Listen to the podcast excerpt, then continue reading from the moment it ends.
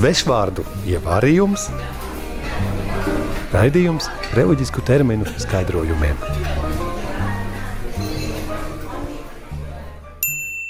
Šodienas burts ir Burts, k, kancele, jeb ambona. No latīņu vārda cancellus – margas, skapis. Tātad ambona – vieta, no kurienes tiek lasīta homīlija vai sprediķis. Un tagad neliela iedziļināšanās. Kancelē ir praktiska funkcija, nevis liturgiska. Tāpēc atrodas ļoti bieži baznīcas centrā uz augšu. Senos laikos nebija apstiprināšanas sistēmas. Es atceros, Svētā Ignācijā baznīcā Romā saglabājas tāda kancelē, kurā ir it kā skaists gliemežvāks, lai atskan labāk no sprediķotāja balss. Šobrīd izmantojam vairāk ambonu. Tas nozīmē vietu pie altāra, no kurienes sludina eh, vispirms dieva vārdu, un pēc tam priesteris vai diakons komentē vai, vai biskups. Bet ir arī dažādi izņēmumi, ka pāvests var sprediķot arī nu, savā kreslā. Tas nozīmē, ka nav kancelē vai, vai ambonai tik svarīga sludināšanai. Svarīgi ir no dieva vārdi, nevis vieta, no kurienes tas, eh, tas notiek. Kancele ir sens arhitektūras pieminieklis, kas bieži vien ir piekļauts mākslas stilam. Ir varbūt barokāls, barokālā stilā ar dažādām figūrām, figūru grupām. Um, Piemēram, Jēkabā katedrālē ir uh, priekšā altārim uh, kreisajā pusē, kad nāk baznīcā iekšā. Varam redzēt, ir tā ļoti augsti jākāp pa kāpnītēm augšā, un galvenais, ka tur bija skaņu rezorators jo nebija toreiz mikrofoni. Un tāpēc, ka no tās vietas tad īpaši laba dzirdamība bija visai draudzēji, ko runā priesteris vai bīskaps. Tātad, lai būtu skaidrs, kancele ir speciāli izbūvēta platforma, uz kuru vajag uzkāpt, vai kurā vajag īpaši ievietoties, lai speciālu skaņu rezonatoru pavadībā varētu teikt homīliju vai sprediķi. Bet ambona ir gluži vienkārši pults, aiz kuras stāvot, var teikt sprediķi vai homīliju no priekšas. piemērs no dzīves. Senos laikos, kad nebija mikrofonu un nu, apskaņošanas, bija svarīgi, lai sprediķotājiem būtu laba un stipra balss. Varēja būt, ka vienam bija stipra balss, bet talanta runāšanai nebija. Tāpēc bija specializēti arī priesteri, kuri rakstīja uh, sprediķus, un citi lasīja to no ambonas ar stipru balsi. Ir tāds eh, teiciens, krīt no ambonas. Tas nenozīmē, ka kaut kas tik, eh, tik dedzīgi runāja, ka eh, nokrita no ambonas, kad sprediķotais tikai kad sprediķotais kādu minēja ar vārdu, uzvārdu savā sprediķa laika. Un tas nozīmē krīt no ambonas. Evanģēlijos lasām, ka Jēzus ezera vai jūras malā bija sapulcējis liels ļaužu daudzums, attīrās mazliet no krasta un tad runāja uz ļaudīm. Izrādās, arī tas noticis tāpēc, lai skaņas viļņi labāk izplatītos un viņa klausītāji varētu Jēzu labāk sadzirdēt. Raksturīgās kļūdas. Man lūdzu sarkanvīnu, dodiet to pašā augšā, tajā skaistajā ambonā.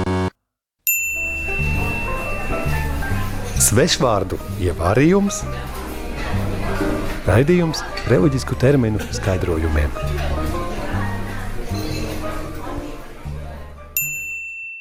Burts, hmm, mitra.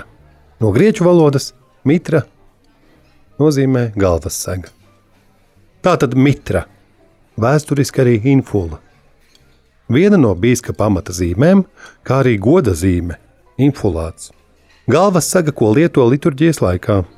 Tā sastāv no divām vienādām trīs stūra daļām, izgatavotām no stingra auduma, un aizmugurē piestiprinātām ar divām lentēm. Euharistijas svinēšanas laikā to noņem, uzliekot to tikai svētās mises beigās. Un tagad sadzīviskais skaidrojums. Mitra ir funkcijas un goda un e, varas simbols baznīcā. Pirms tam nu, senos laikos izmantoja to arī hercogi, piemēram. Tad tā bija plaša nozīme mitrai vai infulai un palika tikai praktiski baznīca. Lai nerastos pārpratumi, uzsvērsim, ka mitra nav tā mazā apaļā cepurīte, ko redzam biskupiem. Šo cepurīti sauc par pīusku. Bet mitra tā ir jau lielāka, iestievinātāka cepure ar lentām, kas daudziem bērniem šķiet padara bīskapu smieklīgu vai līdzīgu kādam pasaku tēlam. Mitru bīskaps uzliek homīlijas laikā. Tas arī ļoti interesanti. Un, kad viņš to beidz, tad ir kalpotāji, kas viņam paņem un tur ļoti svinīgi. Nu, stāsta, ka tā arī dod kaut kādu skaidrību, prāta skaidrību. Un ir vienkāršā mitra un tāda neparasta dār, dārga, ka viņiem rotētās īpašiem gadījumiem. Ja kādam liekas, ka šāda bīskapa galvas saga ir nevajadzīga pagātnes palieka vai karnevāla elements, jāpiebilst, ka mums ticīgajiem vajadzētu šādu galvas sagu uzlūkot gan kā amata zīmi, gan kā bīskapa varas zīmi, gan kā īpašu svinību sastāvdaļu, kas arī ir mūsu svētā mise dievkalpojums. Un tagad iesaistīsim šo vārdu teikumā. Ekscelence, lūk, jūsu mitra. Man gan jāatvainojas, ka viņa ir mitra.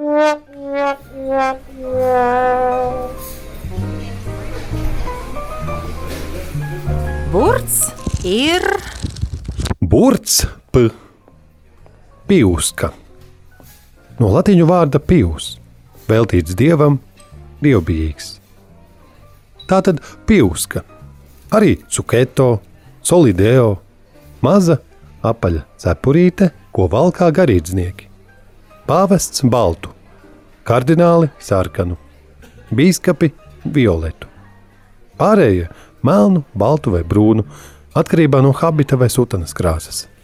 Pīuska lietojama kopā ar garīdznieka sutanu, habitu vai liturģisko tērpu. Un tagad neliela iedziļināšanās.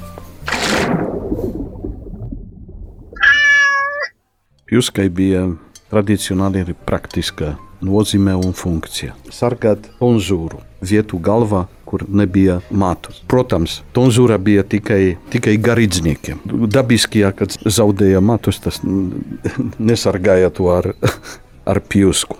Bet praktiski 15. un 16. gadsimtā bija speciālās cepures, no kuriem varbūt veidoja pjusku. Bija tāda cepure, kurā valka uz visu galvu, ko sauca par kamauru. Vienu reizi pāvests Benedikts, kad bija ļoti augsti ģenerāla audiences laikā, viņš to vēl kā tādu un kā to pieņemā žurnālistika tādu sensāciju, ka viņš atgriezās uz, uz seniem laikiem ar, ar savu pavestā modu. Tomēr tā bija nu, praktiska cepure, kurā, kurā sargāja, ņemot vērā, ka ša, šajos laikos arī, arī apkures nebija baznīcās un ļoti bieži vien arī, arī klosteros un, un pilī. Tad bija jāsargā galvu un no no augsta. Tad sākumā praktisks pielietojums sargāja galvu no augstuma, bet vēlāk tā kļuva par obligātu liturģiskā tērpa sastāvdaļu. Tātad agrākos laikos pīuska pildīja praktisku funkciju, sargāja to mūku un garīdznieku galvas daļu, kas bija speciāli izskūta, jebšu, kur bija izveidota tā sauktā tonzūra. Pīusku bīskaps nesā mises laikā bet evaharistiskā kanona laikā novieto uz speciāla paaugstinājuma fungelīnas vai uz altāra. Svešvārdu ievārījums, raidījums reliģisku terminu skaidrojumiem. Jēdzienu skaidrojošo vārnīcu vietnē katolis.lv veido māsas kalpones Ginta un Inese, kā arī jēzuītu tēvs Tadeušs. Savukārt radioversija top stingrā viestura vizuļa uzraudzībā.